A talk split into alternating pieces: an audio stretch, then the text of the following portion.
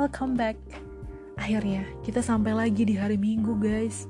Besok Senin guys. Gimana tuh? Gak apa-apa. Karena alhamdulillah libur panjang ya minggu depan jadi kita hanya harus menghadapi Senin dan Selasa. Insya Allah bisa lah semangat.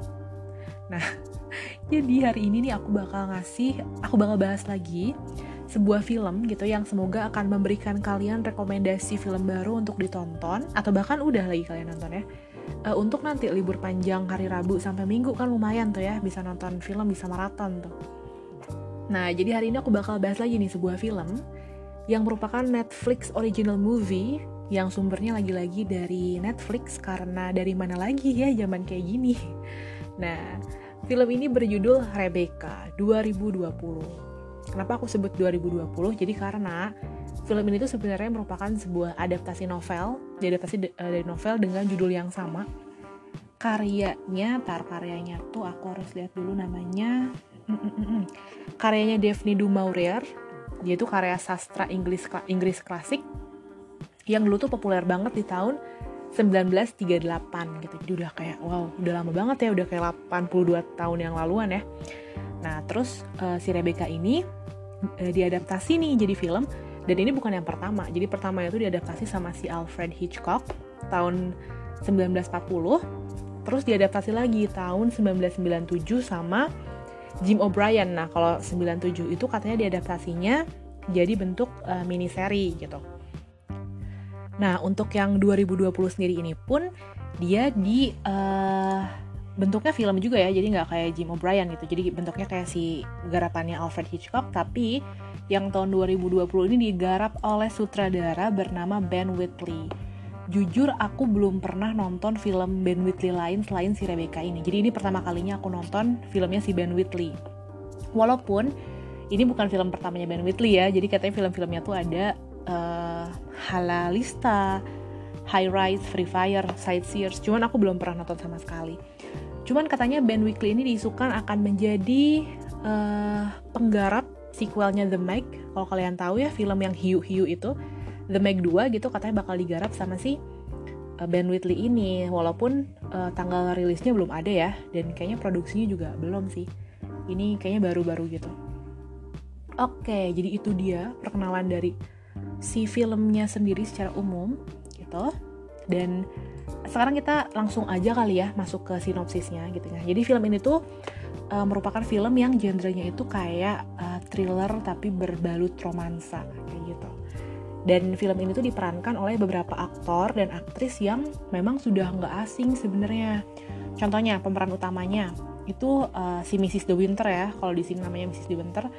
Pemeran utamanya itu diperankan oleh Lily James. Kalau kalian pernah nonton Cinderella tahun 2015 nih, penggemar Disney movie, pasti kalian tidak asing gitu uh, dengan si Lily James karena ikonik banget ya dan sering banget diputar di Fox Movies ya jadi aku juga sudah akrab dengan mukanya Lily James. Terus uh, pemeran cowoknya nih suaminya uh, si Maxim De Winter itu diperankan oleh Armie Hammer. Kalau kalian nonton Call Me By Your Name tahun 2017 ya filmnya bagus juga tuh cukup berbasis juga. Nanti mungkin aku bahas juga sih. Itu si Armie Hammer kan melejit banget tuh namanya setelah film itu. Nah itu dia jadi pemeran uh, suaminya gitu jadi bagus. Terus ada juga jadi uh, Mrs. Danvers jadi uh, ada kepala pelayan di rumahnya si suaminya gitu ya si Mrs. Danvers diperankan oleh Kristen Scott Thomas. Itu juga Kristen Scott Thomas juga udah pernah membintangi beberapa film gitu ya. Dan dia aktingnya di sini bagus banget. Parah. Dan menurut, menurut aku nih semua pemeran di sini aktingnya pol-pol parah sih. Aku sampai kayak wow bagus banget nih Oke, jadi itu perkenalannya. Lalu si sebenarnya tentang apa sih ceritanya gitu. Jadi si Rebecca 2020 ini bukan Rebecca 2020 ya, film Rebecca ini karena plotnya sama-sama aja sebenarnya.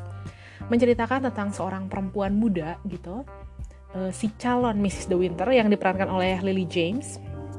Dia itu ceritanya adalah seorang asisten dari uh, ibu-ibu sosialita gitu ya. Ibu-ibu sosialitanya kayaknya udah umurnya 50-60 tahun gitu. Nah seperti layaknya di kehidupan kita sekarang ya artis-artis gitu sosialitas sosialita kan pasti punya asisten. Nah si Lily James ini jadi asistennya terus dia ya biasa disuruh-suruh segala macem gitu. Nah kebetulan suatu hari si ibu sosialitanya ini menerima tamu yaitu kerabatnya bernama Mr. De Winter gitu yang mana dia itu baru kehilangan istrinya istrinya tuh katanya meninggal setahun yang lalu dan dia kayak sedih frustasi gitu jadi ibu-ibu ini karena kerabatnya mengajak si Mr. De Winter makan siang bareng gitu yang mana di arrange oleh si asistennya of course ya yang booking segala macem untuk ngepuk-pukin gitu kayak menemani karena si Mr. De Winternya kayak nggak mau sendirian gitu nah akhirnya uh, di adalah si lunch itu barengan kan di uh, di arrange sama si asistennya si Lily James itu Nah si Mr. De Winter ini pamornya di kalangan ibu-ibu sosialita itu lumayan tinggi gitu karena dia ternyata adalah seorang duda yang uh, tajir melintir gitu. Dia tuh memiliki suatu rumah ya kayak Bly Manor gitu ya rumah gede banget namanya uh, Manderley. Manderley itu uh, kalau orang-orang zaman dulu apa emang orang-orang sosialita sekarang gitu juga ya? Kalau punya rumah tuh dikasih nama gitu. Kan kalau Bly Manor juga Bly Manor ya kalau kalian udah nonton The Hunting of Bly Manor. Terus ini rumah gedenya namanya The Manderley gitu. Akhirnya karena dia cukup terkenal di kalangan ibu-ibu sosialita jadi kalau misalnya masuk ke restoran juga kayak wow gitu. Gitulah itu itu Mr. The Winter.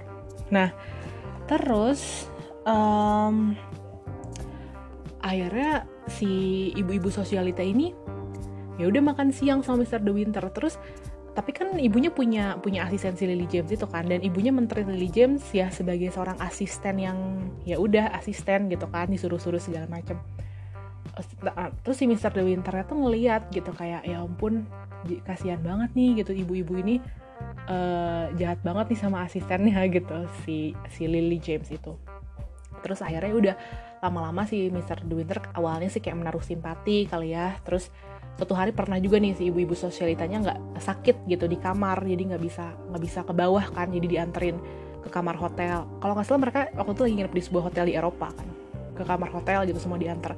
Dan dia nggak bisa turun ke restoran gitu jadi si asisten asistennya tuh mau turun ke restoran karena kan udah ngebooking ya atas nama si ibu itu tapi si ibu itunya nggak bisa turun.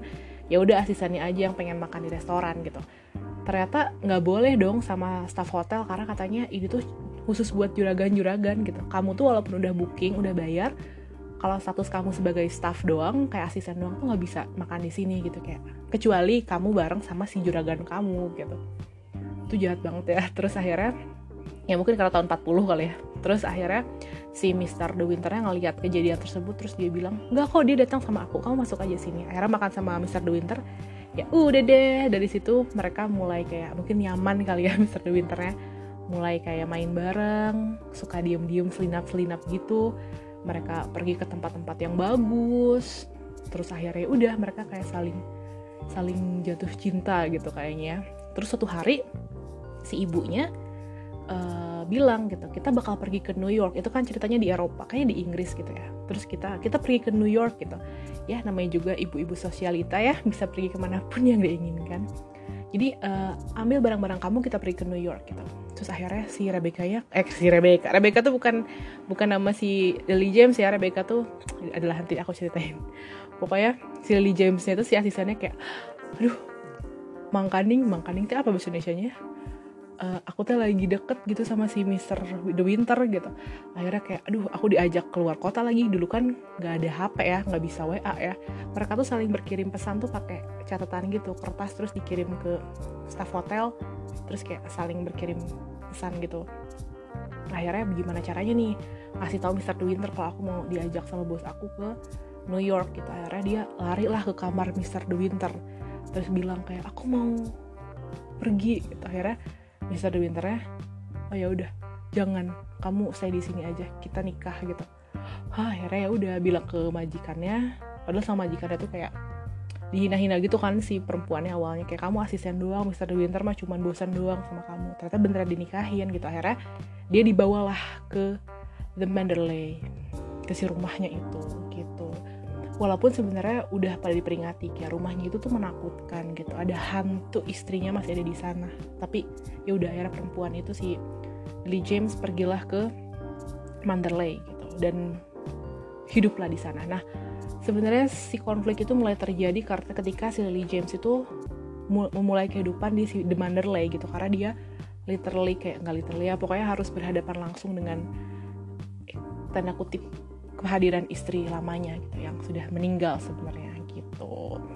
Nah sebenarnya si film ini tuh seru karena dari awal tuh aku nggak bisa nebak ini tuh bakal gimana. Apakah dia bakal thriller atau dia tuh horror ada hantu atau dia tuh pure romance atau gimana gitu. Pokoknya sepanjang film ini kan dua jam ya filmnya. Kayak menebak-nebak gitu loh dan menurut aku tuh bagus banget ya kalau kamu belum baca novelnya atau nonton tahun 1940 karena kalau kamu udah baca keduanya kamu udah tahu dong jalan ceritanya. Nah kalau baru nonton pertama kali ini bagus banget sih. Ini bagus banget beneran. Aku merekomendasikan banget filmnya. Kayak aku bener-bener menebak-nebak dari awal ini tuh apa gitu. Genrenya tuh aku nggak tahu ini tuh gimana ya. Yang bakal keluar tuh apa nih? Setannya kah? Apanya kah? Dan ternyata bener. Sampai akhir tuh plot twist plot twistnya tuh nggak ketebak. Pokoknya kalian harus nonton karena kalian akan bertanya-tanya sepanjang film. Kayak gitu itu dia sinopsisnya. Jadi kalau kalian belum nonton silahkan nonton dulu ya gitu. Oke sekarang kita nah, ini belum ke spoiler. Aku mau ngomongin dulu uh, take outs dari filmnya. Jadi apa sih yang bisa kita ambil dari filmnya? Cia. nah jadi pertama yang aku pengen soroti adalah gila sih sinematografinya tuh keren banget. Kemarin Emily in Paris aku nggak mau uh, apa sih kayak terlalu perhatikan karena kan dia series ya dan ya emang gak stands out gak perfect juga kayak biasa aja. Walaupun Parisnya di Emily in Paris bagus ya cuman B aja gitu jadi aku juga ya adalah gitu. Tapi kalau yang ini tuh bener-bener bagus man wow wow. Pokoknya bagus. Mungkin mungkin ya. Karena si uh, sutradaranya si uh, siapa tadi namanya? Ben Whitley si Ben Whitley ini kayak ada beban. Karena ternyata tahun 40 si film ini tuh uh, yang disutradarai oleh Alfred Hitchcock itu menang uh, kalau nggak salah Best Picture Awards deh coba bentar ya. Aku cari dulu. Iya dia menang di uh, Best Picture Awards ya dan Best Cinematography Black and White. Jadi kalau kalian juga mau ngecek langsung ke filmnya apakah benar dia Best Picture dan Best Cinematography kalian lihat deh di filmnya yang 1940 dan kalian bisa ngaksesnya nggak harus ke mana-mana guys.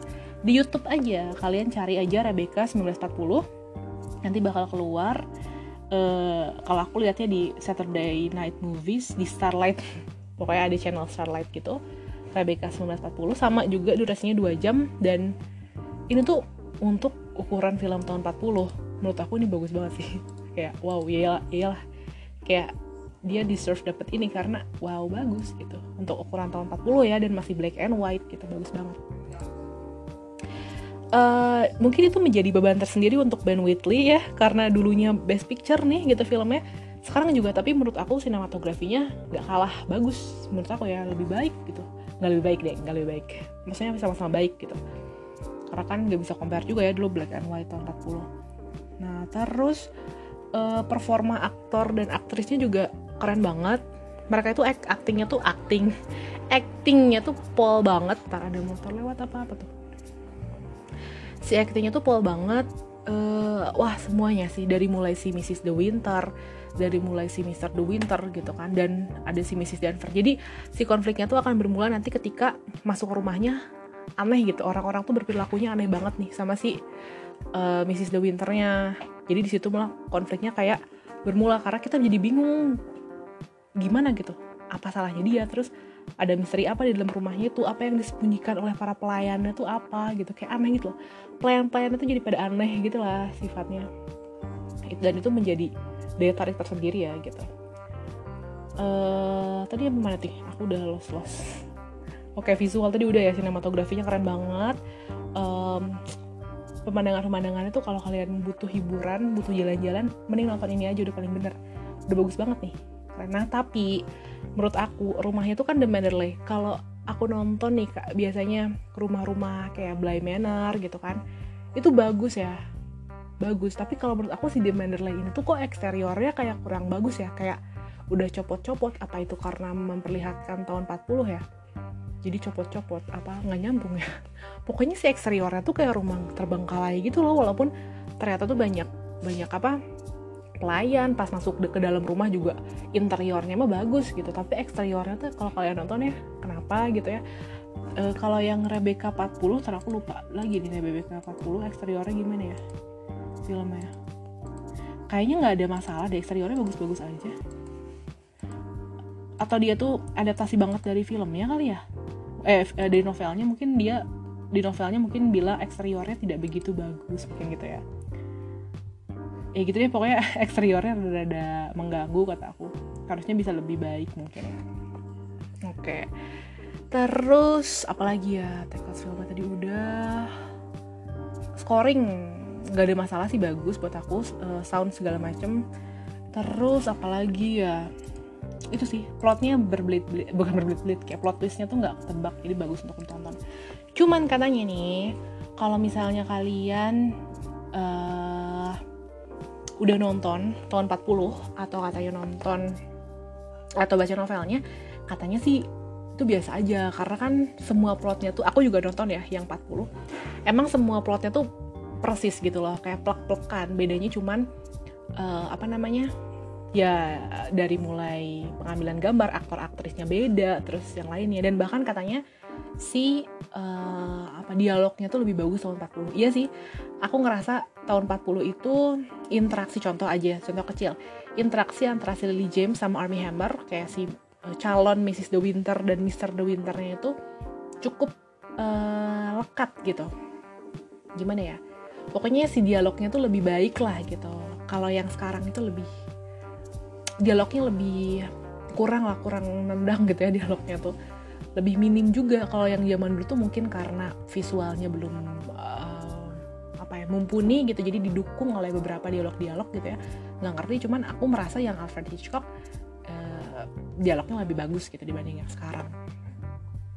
Terus juga uh, ini juga bagus kostumnya uh, lucu banget gitu. Jadi semua kostumnya tuh cocok gitu sama si latar belakangnya. Jadi enak banget ngelihatnya keren gitu. Pokoknya kalau sinematografi itu udah nggak bisa nggak usah dilakukan lagi ya. Ini laptop aku mati tiba-tiba. Wait a minute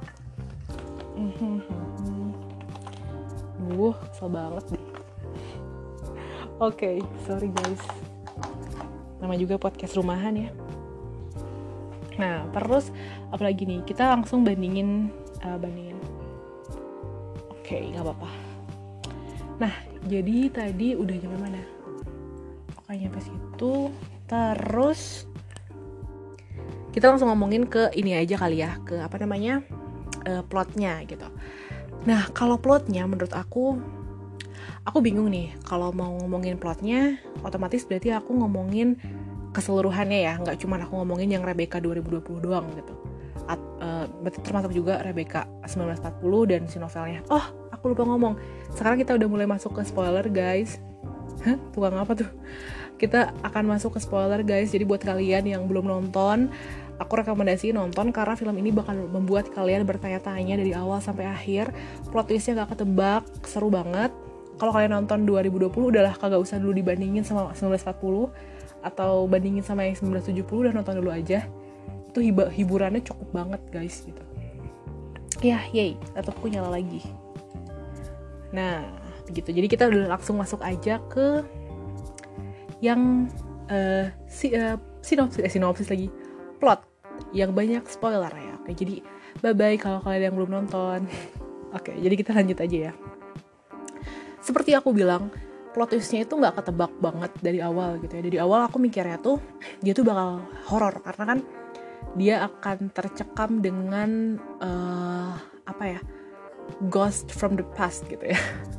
Kayak si hantunya mantan istrinya gitu seakan-akan dia tuh nggak bisa nge-replace mantan istri suaminya dan si Rebecca ini merupakan nama mantan istri si suaminya itu kan yang dia tuh nggak kayaknya nggak akan bisa digantikan gitu. Semua pelayannya kayak against ke dia gitu. Si suaminya juga tiap diminta ngomongin tentang mantan istrinya nggak mau gitu. Kayaknya dia tuh masih suka sama mantan istrinya terus aku kenapa dinikahin gitu kan si Rebecca. Awalnya aku mikir kayak oh ini kayaknya pure romance gitu karena aku belum nonton yang yang 40 1940 nya terus akhirnya ya udah berlanjut. Ternyata kok aku jadi mikir dia mulai ada hantunya ya gitu ngelihat ada penampakan Rebecca Rebekanya terus lama-lama aku melihat lagi kok tiba-tiba nggak ada hantunya kok kayak si Mrs. Doubtfire jahat gitu ngadu domba apakah ini kriminal gitu ya? Eh, apakah ini kayak balas dendam atau gimana gitu? Terus aku juga sempat mikir jangan-jangan si Rebecca nya tuh masih hidup dan bersembunyi di rumah itu gitu. Terus akhirnya mulai kelihatan kayak Rebecca nya apa dibunuh apa gimana. Lama-lama ternyata ini udah masuk spoiler ya guys aku ingatkan sekali lagi. Ternyata Rebecca nya ketahuan dibunuh suaminya gitu kan. Uh, dia mengambil mayat gitu dari lautan ternyata itu Rebecca. Padahal suaminya beberapa bulan yang lalu sudah mengidentifikasi mayat bernama Rebecca gitu. Jadi siapa yang diidentifikasi? Sampai akhirnya uh, ternyata itu memang pembunuhan gitu.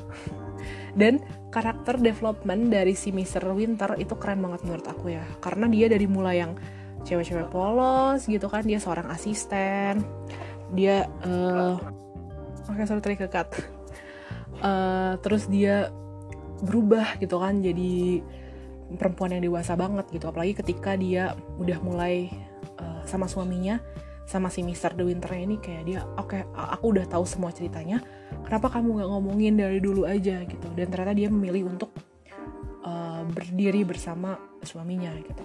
Standby suaminya. Um, menurut aku karakter developernya keren sih si uh, Lily ya siapa yang namanya Mr. Eh, Mrs. The Winter itu keren banget uh, terus si Mr. Mrs. Denvernya juga lama-lama ternyata dia ternyata dia ya dalang dari semua hal itu dia terus uh, dan aku juga barunya si plot twistnya tuh ngebuat aku kayak ya ampun gila jadi bingung loh aku bingung banget aku harus berpihak pada siapa karena ternyata Rebecca-nya emang dibunuh tapi ternyata Rebecca-nya juga jahat ya dia selama hidupnya ternyata memanfaatkan suaminya doang buat uangnya gitu. Dan dia tuh selingkuh sama beberapa orang bahkan kayak si Frank kayak sahabat suaminya sendiri. Terus kayak uh, siapa namanya? Sepupunya sendiri dan lain sebagainya gitu. Jadi dari aku kayak bingung juga. Jadi intinya sih kayak kalian tuh bakal bertanya-tanya sepanjang film. Dan aku aku bingung deh kalau yang plot yang aku harus bahas apa ya. Karena itu sih yang aku dapatkan kalau aku tadi meng, men, apa menyimpulkan dari semua perkataan aku yang tadi ke mana-mana itu intinya adalah aku bingung. Aku bingung sepanjang film gitu. Tapi bingungnya bingung uh, in a good way gitu. Maksudnya jadi aku menebak-nebak plotnya which is good gitu kan begitu aku ngomongnya sekarang udah campur-campur nih nah terus apa lagi ya mm, mm, mm, mm. lagi yang mau dibahas pendapat pribadi aku sih um, si Mrs. Denvernya tuh ini banget ya aku bingung ya aku tuh pro atau kontra karena Mrs. Denver itu ternyata memang benar-benar mencintai Rebecca seperti anaknya sendiri kan makanya sebenarnya dia mengatur bahkan dia nggak uh, menginvite siapa tuh sepupunya Rebecca itu ya terus uh, supaya mengadu domba antara si Mrs. Winter dan Mr. Winternya gitu yang sekarang nggak ngerti tuh kenapa ya si oh aku jadi intinya tuh si Mrs. Denver itu nggak pengen si rumahnya itu jatuh ke tangan salah satu dari mereka kan ya nggak layak gitu loh dia mikir karena rumahnya itu sudah milik miliknya si uh, Rebecca gitu karena katanya awal pernikahannya juga karena si Rebecca ingin memiliki rumah itu. Itu dia pokoknya. Kalian harus nonton sendiri ya karena tidak kalau aku jelaskan di sini ini tuh tidak simple gitu plotnya. Jadi kalian harus melihat sendiri gitu. Oke jadi daripada makin nggak jelas ngomongnya seperti apa jadi aku akan akhiri saja di sini. Uh, karena kalian harus benar-benar nonton sama diri kalian sendiri, oleh diri kalian sendiri, dengan mata kepala kalian sendiri, untuk mendapatkan uh, keseruan dari film ini. Gitu. Begitu. Jadi uh, segitu aja dari aku. Nah, aku juga mau ngasih tahu nih kalau misalnya kalian udah bosan terus kayak mau nonton apa lagi Netflix, mungkin kalau kalian yang suka Twilight aku sih suka banget Twilight pas SMP ya itu udah masuk ya ternyata ke Netflix si itu loh si Bella Swan, Edward Cullen yang vampir vampir vampire itu udah masuk ke Netflix tuh semua seriesnya lengkap. Uh, zaman SMP banget kan ya. Jadi bisa nonton tuh Twilight gitu. Terus ada juga nih rekomendasi-rekomendasi film yang aku juga belum tonton sebenarnya kayak Cadaver. Kayak seru juga deh. Cadaver kayak misteri-misteri gitu. Hmm. dia juga kayak baru masuk uh, di Netflix. Terus ada juga dari Norwegia. Nah dia baru masuk tanggal 22 Oktober nih kalau yang Cadaver terus juga ada hmm, ini Chernobyl ya? Chernobyl. Gimana sih ngomongnya Chernobyl apa Chernobyl? Dia ini serial drama sejarah. Terus ada juga uh, revolusi Prancis tuh. La Revolution La Revolution. Sosuan banget ya. Itu juga ada di Netflix baru baru baru keluar juga tuh. Kayaknya bagus juga deh ini. Pokoknya tentang uh, drama supernatural berbahasa Prancis tahun 2020 tentang revolusi, revolusi Prancis begitu. Jadi banyak sih yang bisa ditonton di Netflix. Uh, semoga kalian juga bisa tetap uh, kuat dan semangat ya menghadapi uh, bekerja ataupun beraktivitas bersekolah walaupun di tengah pandemi ya yang mana kita nggak bisa refreshing keluar gitu. Kita di stay di rumah di rumah aja. Nah jadi kita bisa menonton Netflix memanfaatkan Netflix dan juga banyak platform film lainnya. Jadi segitu aja hari ini. Thank you for listening. Sampai jumpa. See you next week I guess. Bye bye have a nice week and no, no, no. have a nice Monday. Bye